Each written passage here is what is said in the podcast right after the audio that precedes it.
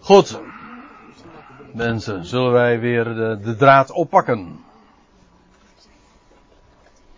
Waar wij hem loslieten in vers 16 voor de pauze. Het ging om de reactie van de fariseeën. Die uh, struikelden over het feit dat deze man genezen was op een Sabbat en dat de Heer de Sabbat niet uh, gehouden zou hebben, bewaard zou hebben omdat hij dingen had gedaan die een Jood niet geacht wordt te doen op een Sabbat.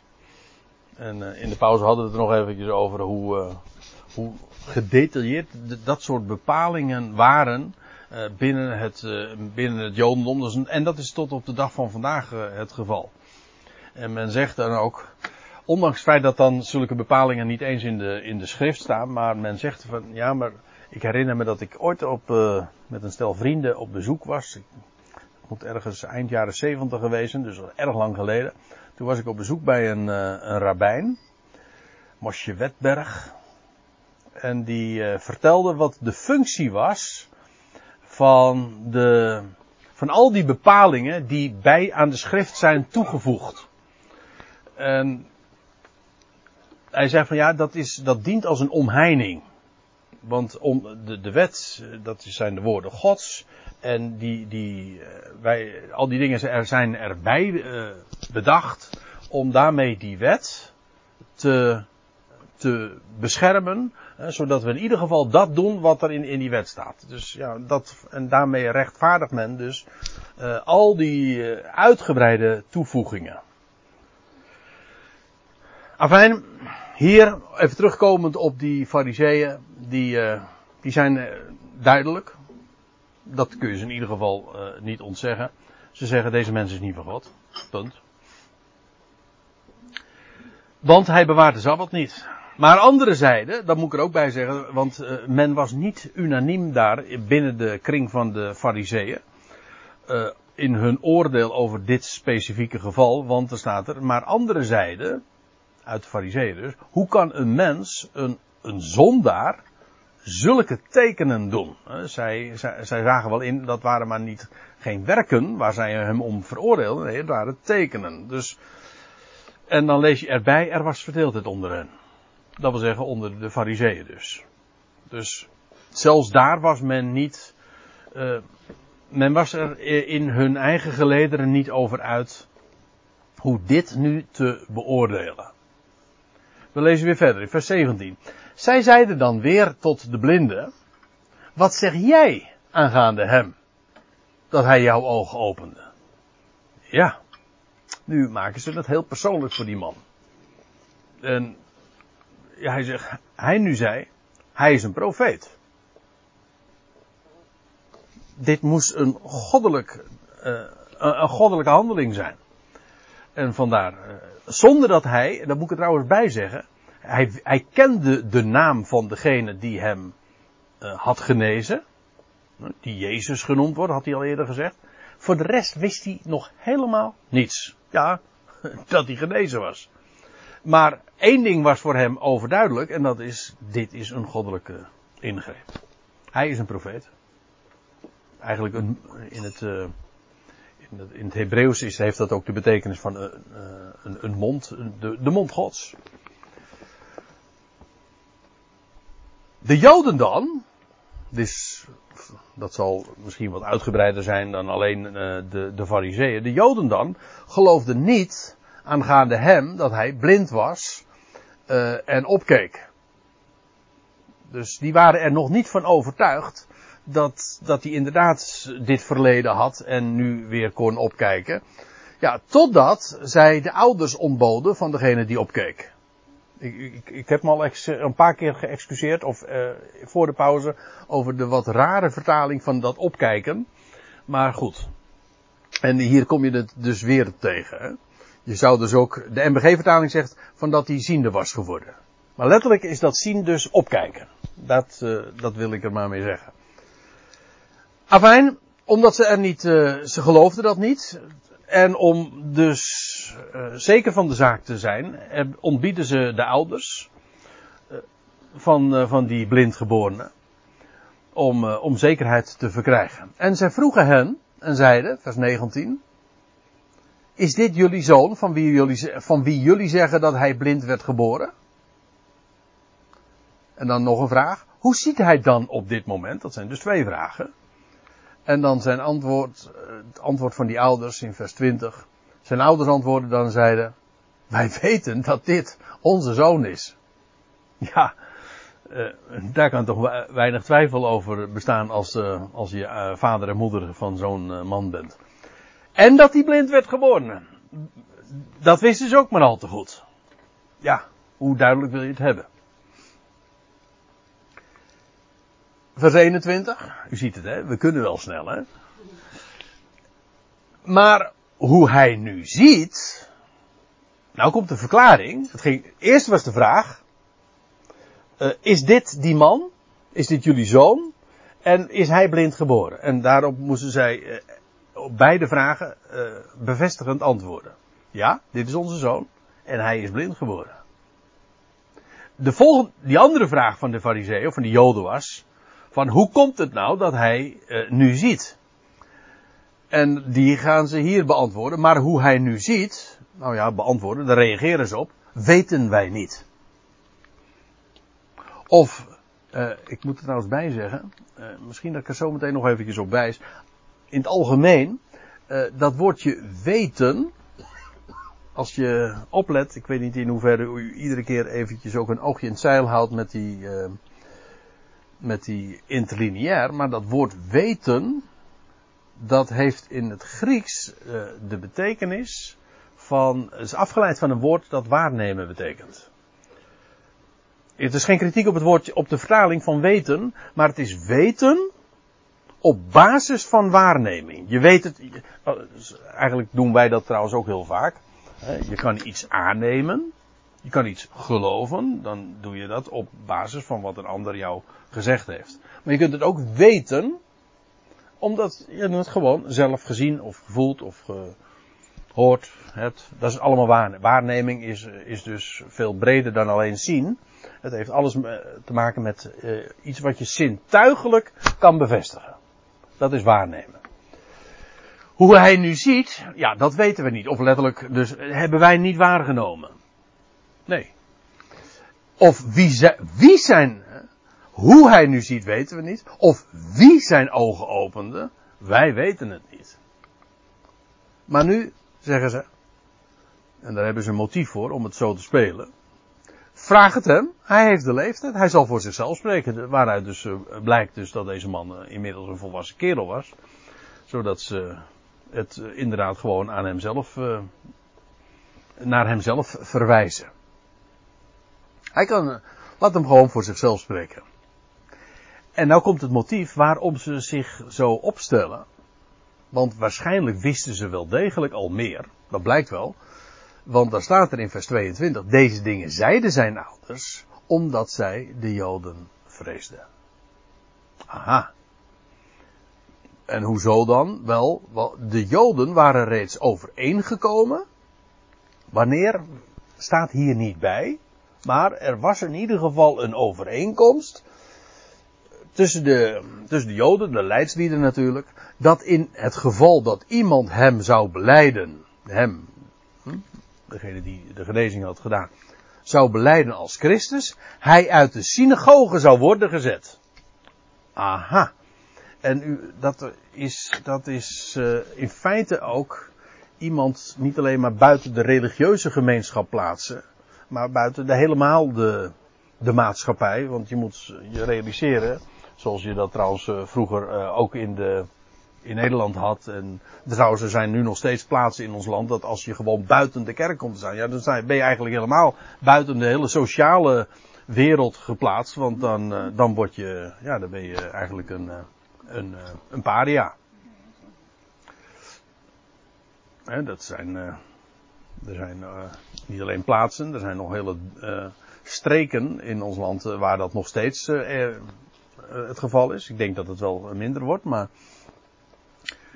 het bestaat nog steeds. Maar in ieder geval ook in die dagen, ja, de synagoge, dat was gewoon het, daar vond het, dat was eigenlijk de, de, de kern van, van het hele sociale leven ook. Zoals vroeger de kerk ook in het midden van het, het dorp stond en de stad stond. Daaromheen was alles gecentreerd. Afijn. Uh, dat hadden zij vernomen. Dat Joden dat hadden besloten. Kijk, we hadden in hoofdstuk 8 al gelezen, dat, dat was de directe aanleiding, of de directe inleiding, zo je wilt, uh, van, van hoofdstuk 9, dat je leest in vers uh, 59 van het hoofdstuk 8. Zij dan, de, de, Joodse oppositie, zij dan namen stenen op om naar hem te werpen, maar Jezus werd verborgen en verliet de tempel. Dus dat was de reactie van het Jodendom, zeg maar, of de synagoge of whatever. In ieder geval de Joodse leidslieden.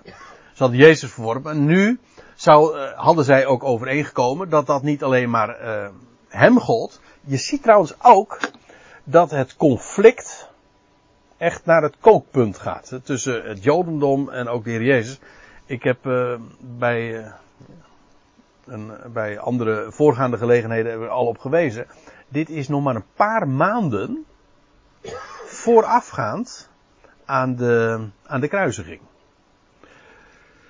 Eerder uh, lees je nog, in hoofdstuk 7 lees je over het Loofhuttenfeest. Dat is een half jaar voor de kruisiging geweest. In hoofdstuk 10 zullen we trouwens tegenkomen dat het inmiddels winter is. Dat is hier dus nog niet. Dus het is hier oktober, november waarschijnlijk dat, dit, uh, dat dit, deze geschiedenis heeft gespeeld. En dan in hoofdstuk 10 lees je over dat het uh, Chanukka was, het uh, lichtfeest in de winter. Dat is echt zeg maar rond ons kerstfeest. En dan in het, Pesach, dat, het feest, de hoogtijd dat de Heer Jezus gekruisigd en werd en opstond. Dat is in, de, in het voorjaar geweest. En is een paar maanden daaraan voorafgaand dat deze geschiedenis dus speelde af plaatsvond. En hier zie je al echt dat het op het, het conflict hoog op, uh, oplopend is. Want nu is het ook al zo dat degene die dus hem als Christus zou beleiden uit de synagoge zou worden gezet. In hoofdstuk 12, vers 42 lees je trouwens. Laten we er even naartoe gaan. Dan staat er. Uh, ik citeer het trouwens al eerder uit, uh, uit ditzelfde hoofdstuk. En dan staat er dit. En toch, dit is nog weer een stuk later dus, echt vlak voorafgaand aan de, aan de kruising. En toch geloofden zelfs uit, zelfs uit de oversten, velen in hem, uh, maar ter wille van de fariseeën kwamen zij er niet voor uit, en dan staat erbij, om niet uit de synagoge te worden gebannen. En hier zie je dus in hoofdstuk 9 uh, hetzelfde. Die, die ouders van die blindgeborene, die houden zich op de vlakte. Omdat ze wisten, op het moment dat wij ervoor uitkomen, dat wij gaan beleiden. Beleiden wil zeggen, is meer dan alleen geloven. Geloven doe je in het hart, maar beleiden doe je met de mond. Ja, dus op het moment dat je ervoor uitkomt, dat geldt trouwens nu nog steeds hoor. Wat dat betreft komen dit soort uh, geschiedenissen wel heel dichtbij. Want je denkt van ja, als het gaat om het evangelie, de dingen die je mag kennen. Ja, uh, als je alleen gelooft, heb je in wezen geen probleem met de, community, zeg maar. Nee, mensen kunnen toch niet kijken in je hart. Maar op het moment dat je er vooruit komt, ja, dan krijg je, dan krijg je te maken met verzet en dan kun je uitgebannen worden, of zoals in dit geval word je uit de synagoge gezet. Dat geldt trouwens ook uh, voor, uh, ja, in feite voor elke religieuze gemeenschap in wezen nu ook, of je in de kerkelijke wereld, uh, dan kun je ketterse ideeën hebben in, in hun ogen. Natuurlijk veroordelen zij die. Maar als het alleen maar een gedachte is, als het alleen maar in, als het in jouw hart is, dan zul, zal, dan zul je er geen probleem mee hebben. Maar op het moment dat je er vooruit komt, ja, dan heb je, dan heb je het uh, gedonder in de glazen natuurlijk. En dat is hier ook zo. zo. Op het moment dat je hem beleidt, ja, dan, zou je, dan zouden ze uit de synagoge worden gezet. En dan ben je een, ja, dan, dan ben je dus een paria, dan word je gemeden. En uh, we leven natuurlijk nu in, in wat vriendelijker, tolerantere of democratischer tijden. maar juist vandaag las ik een, of hoorde ik een, een nummer van Stef Bos. Dat heette Niet van deze wereld. Een mooie titel trouwens. En uh, nee, ik wou zeggen, ik zou hem even kunnen laten horen, maar ik heb hier geen internetaansluiting, maar dat zou ik te ver voeren. Maar het is een, bijzondere tekst. En hij uh, wijst er dan op dat, we, uh, dat je vroeger werd gedood. En hij zegt, en dan, uh, dus hij, kan dat prachtig formuleren, maar dan zegt hij van, en nu, als je nu voor de waarheid uitkomt, word je dood gezwegen. En, of, ja, het zwijgen wordt je opgelegd, maar er wordt gewoon, ja, doodgezwegen. En, hè? Nee, precies. En uh, in feite is dat uh, een, een vriendelijker manier, maar het effect ervan is uh, identiek. Dat wil zeggen, ja, je doet er inderdaad niet meer toe. Precies als, als dat ook het geval is met iemand die dood is. Ja, die speelt geen rol meer. Dus de uiterlijke verschijningsvormen veranderen, maar uh, de essentie, uh, in essentie is het nog steeds de, dezelfde afwijzing. En ik, het geldt trouwens, dat was toen zo, vergis je niet hè, de synagoge, dat was de, de godsdienstige gemeenschap, orthodox, hè, zij zouden zeggen bijbelgetrouw, zij bewaakten dat, jawel, maar degene die uitkwam voor de Christus, die werd eruit gezet. Of, ik ik, zou, ik denk haast ook aan de woorden in Hebreeënbrief. Dan lees je over dat uh, Hebreeën 13. Laat ons uitgaan buiten de legerplaats en zijn smaad dragen. Want de Heer heeft ook, is ook buiten de legerplaats gekruisigd.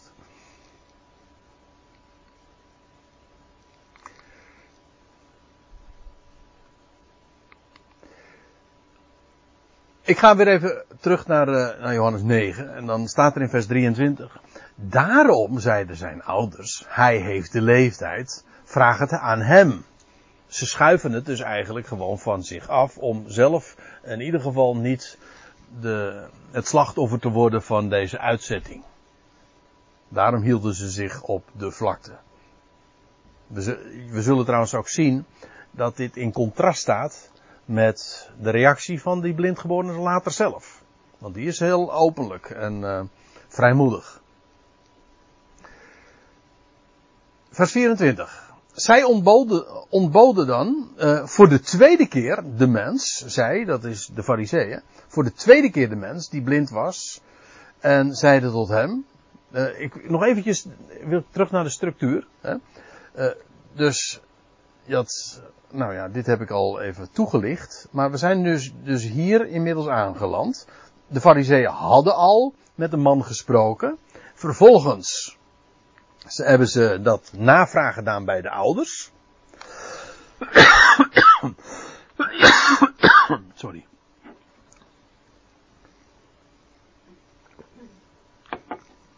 Bij de ouders hebben ze navraag gedaan, maar uiteindelijk eh, die verwijzen hem, uh, verwijzen hen weer terug naar hun zoon zelf.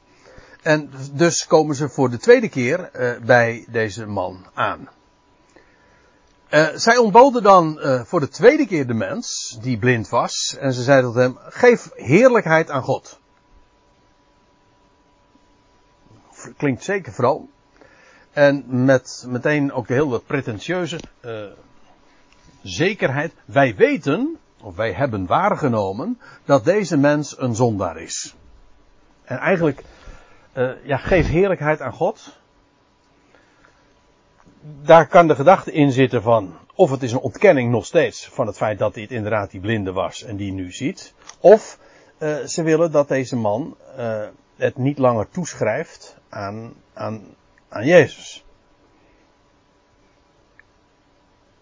Want dat was eigenlijk natuurlijk het punt.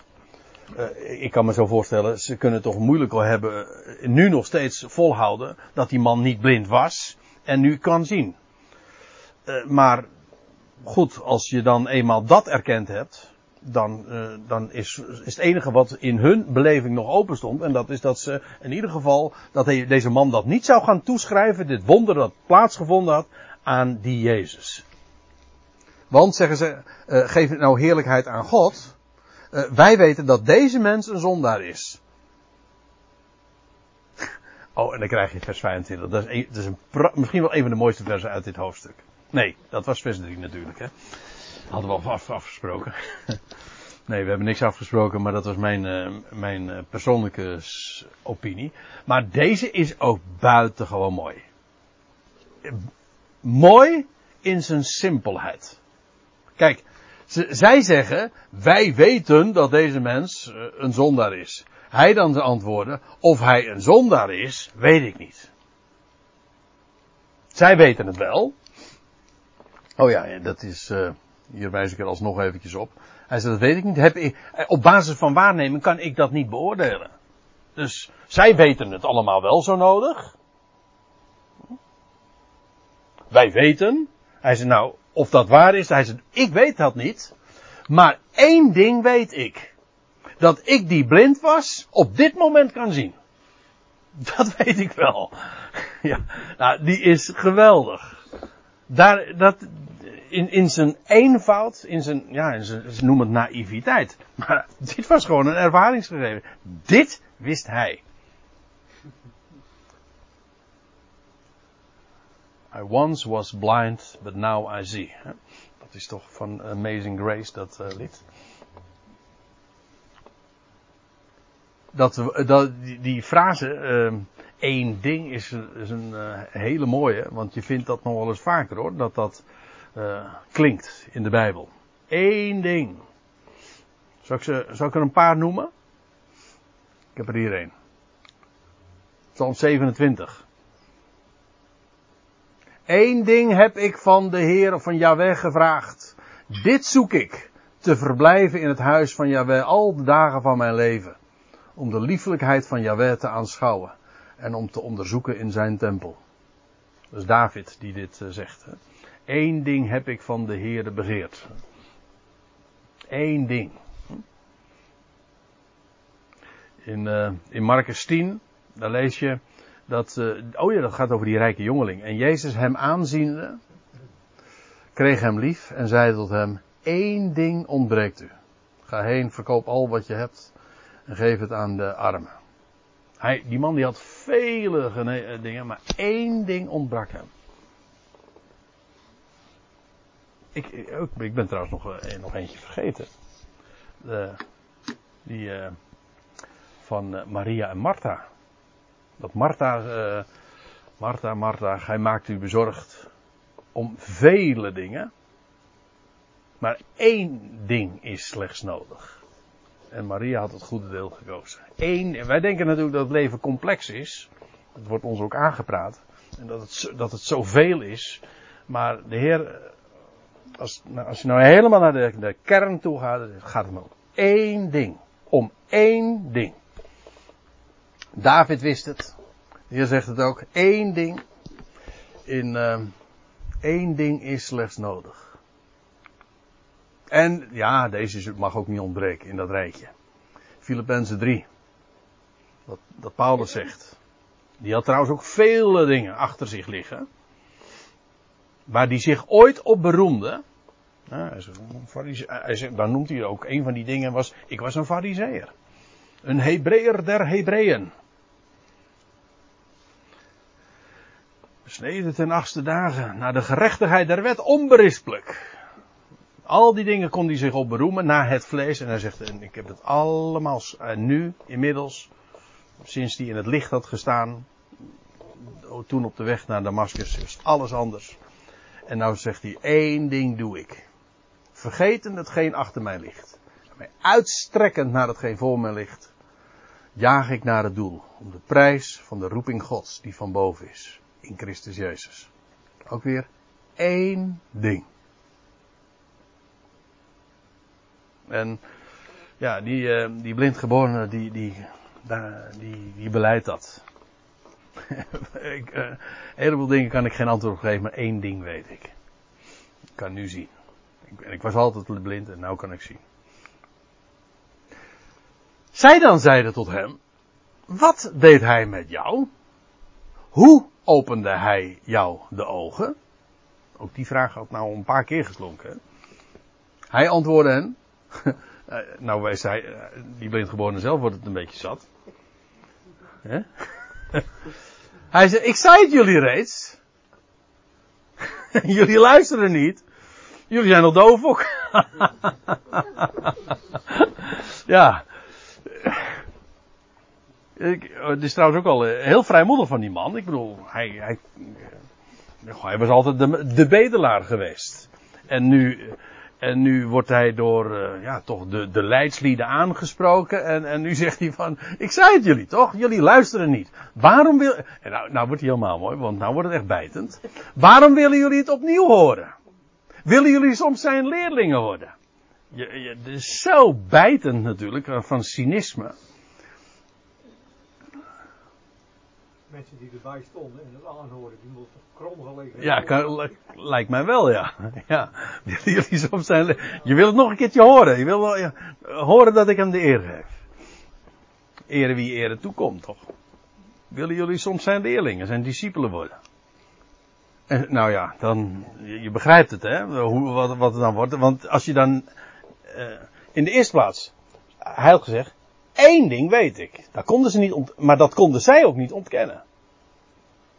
En nou vervolgens, ze gaan al, vragen naar de bekende weg en dan zeggen ja, moet ik het gaan herhalen? En ze hadden er niet van terug en dat, dan, dan ga je dat, ja, dat is een typisch menselijke reactie. Als je geen, als je niet in de waarheid staat en je kan niet iemand gewoon fatsoenlijk antwoord geven, dan ga je schelden. Dat is, dat is altijd, ja, dat is het laatste. Dan weet je eigenlijk al, al genoeg. Op het moment dat je, dat je in die sfeer komt, van dan heb... de waarheid zeggen, André. Hè? Maar nu gaan ze de waarheid zeggen. ja, feitelijk wel, ja, dat ook weer wel.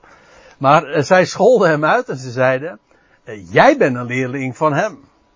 Maar wij zijn leerlingen van Mozes. Ja, jij bedoelt te zeggen, ja dat klopt wel, jullie leven onder die bedekking. Uh, ja, het is waar, en tegelijkertijd ook weer niet, want uh, ik wil wijzen op wat er in Johannes 5 staat, in vers 46. Eigenlijk een soortgelijke discussie ook, dit is dus naar aanleiding van die uh, genezing van die man in Bethesda. En dan zegt de Heer tegen hen, hè, als zij dan zich ook op Mozes beroemen, en dan zegt de Heer tegen hen, want indien jullie Mozes geloofden, dat zeggen jullie toch? Jullie geloven toch Mozes? Jullie zijn toch zijn leerlingen? Nou, als jullie in Mozes geloofden, zouden jullie ook mij geloven, want hij heeft voor mij geschreven. Dat is de schaduw. Ja, precies. Ja, dus Jullie zijn weer leerlingen van Mozes. Nou, dan zou je in mij moeten geloven. Want hij heeft over mij geschreven. Ja. Ja, en je begrijpt, de boosheid uh, neemt nu alleen nog maar toe. En het venijn. Wij weten. Um, ja, dat is nog steeds die, die farisee, die, uh, ja, die Joodse reactie. Wij weten dat God tot Mozes, dat God tot Mozes heeft gesproken. Ja, dat is ook zo. Dat is duidelijk. Hij was ooit geroepen daar bij de berg eh, bij die brandende braamstruik. God heeft tot Mozes gesproken. Dat weten wij, zeggen zij. Dat klopt. Uh, maar dan zeggen ze, maar van, van deze weten wij niet van waar hij is. En dan bedoelen ze natuurlijk niet uh, te zeggen van, dat wij niet weten dat hij in, in, in, uit Nazareth komt. Nee, wij weten niet wat zijn, zijn, zijn hoe zeggen dat, zijn geloofsbrieven zijn. Waarmee hij zich kan legitimeren. Wat trouwens ook niet waar is. Want daar was ook getuigen, getuigenverslag van. Denk alleen maar aan Johannes de Doper, die zij zo hoog hadden staan of in ieder geval, nou ja, uh, die, die heeft veel erkenning toch bij de Joden, bij het Joodse volk gehad. En die heeft van hem getuigd. En die heeft ook trouwens ooit getuigd dat de hemel open ging, bij de Jordaan, weet je wel. Dus wij weten dat, dat God tot Mozes heeft gesproken. Ja, maar God heeft ook tot hem gesproken.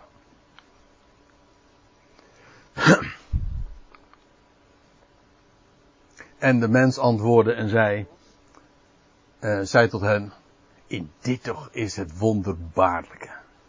Dus nu gaat die, die, die ex-blinde, om zo te zeggen, uh, zeggen van, dit is toch wonderbaarlijk. dat jullie niet weten van waar hij is, maar mij de ogen opent. Dus de, iedere keer hadden ze gezegd, wij weten, wij weten. En, en, en nu zeggen ze van ja, wij weten niet van waar hij is. Nee, dat, weet, oh, dat weten jullie dan niet. Maar hij heeft mij de ogen geopend. Ja, dat wilden zij niet zien. Wie is nou eigenlijk blind? Zo eindigt trouwens het, eh, het hoofdstuk ook.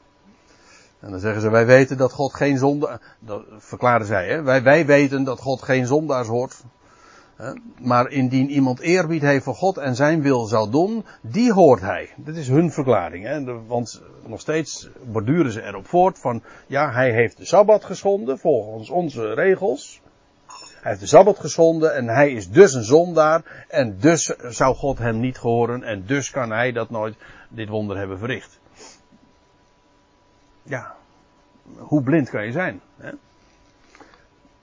En vanuit de Aion, of eh, van, ja in de MBG-vertaling staat dan van eeuwigheid af, maar dat, dat staat er niet, vanaf de Aion, of eigenlijk vanuit de Aion. Hoe ver je ook teruggaat in dit wereldtijdvak, dat is begonnen bij, eh, bij Noach, deze Aion, waar we nu in leven, ik ga dat, nu, dat is nu eigenlijk te voer te ver om dat aan te tonen, maar deze Aion is eh, begonnen in, eh, in de dagen van Noach, na de zondvloed.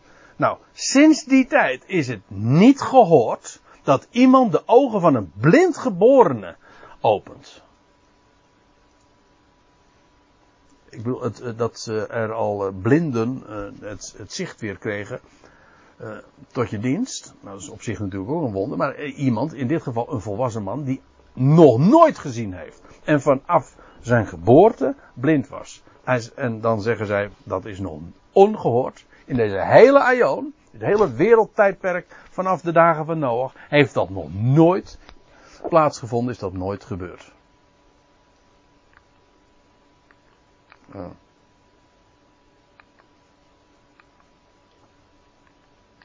Ehm. ja, en dan eh, als deze van, van God was, kon hij niets doen. Wacht eventjes hoor, nou moet ik eventjes de... zelf de Bijbel erbij pakken.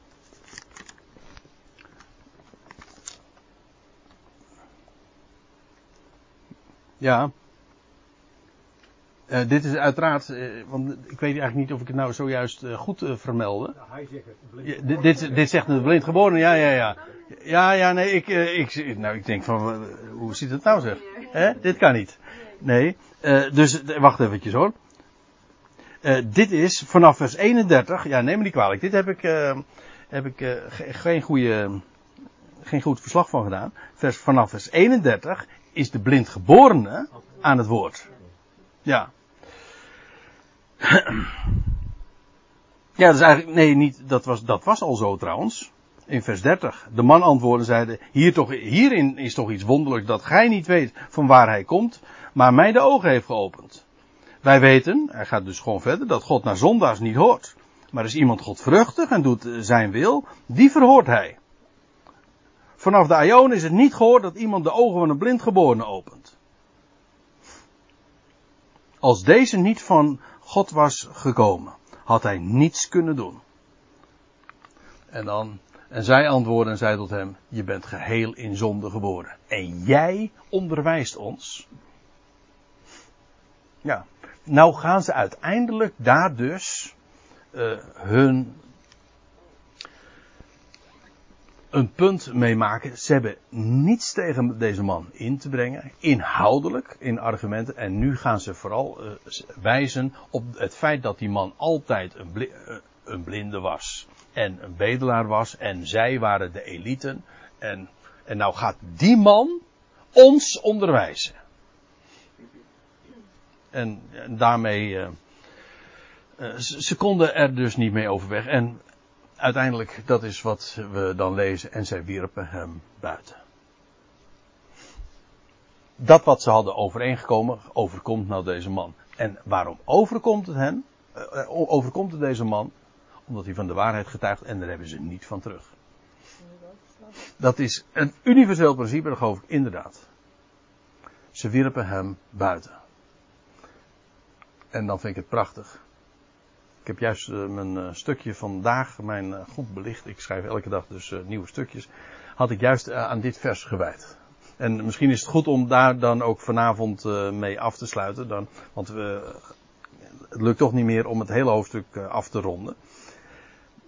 We hebben voor ons doen toch al aardig wat meters gemaakt deze avond. Maar even nog over vers 35, dat is zo mooi.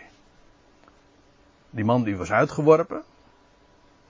En Jezus hoorde dat ze hem uitgeworpen hadden en vond hem.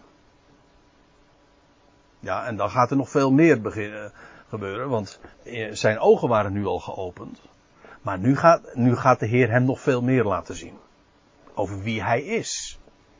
En waar, waar het hem toe, ook toe brengt. Maar ik vind het zo mooi dat deze man was buiten geworpen. En wat vindt hij buiten? De Heer. Niet in de synagoge. Als je Christus wil leren kennen, moet je niet erin wezen, maar dan moet je er buiten wezen. Buiten de gevestigde orde. Dan ben je een outcast, ben je misschien een ketter, dan ben je weet ik veel wat allemaal. Maar als je de Heer werkelijk wil leren, dan moet je er buiten wezen. Waar misschien eh, helemaal geen eer te behalen valt, waar je niet meetelt, waar je doodgezwegen wordt. Nee, maar het is goed hoeven. Want daar vind je hem.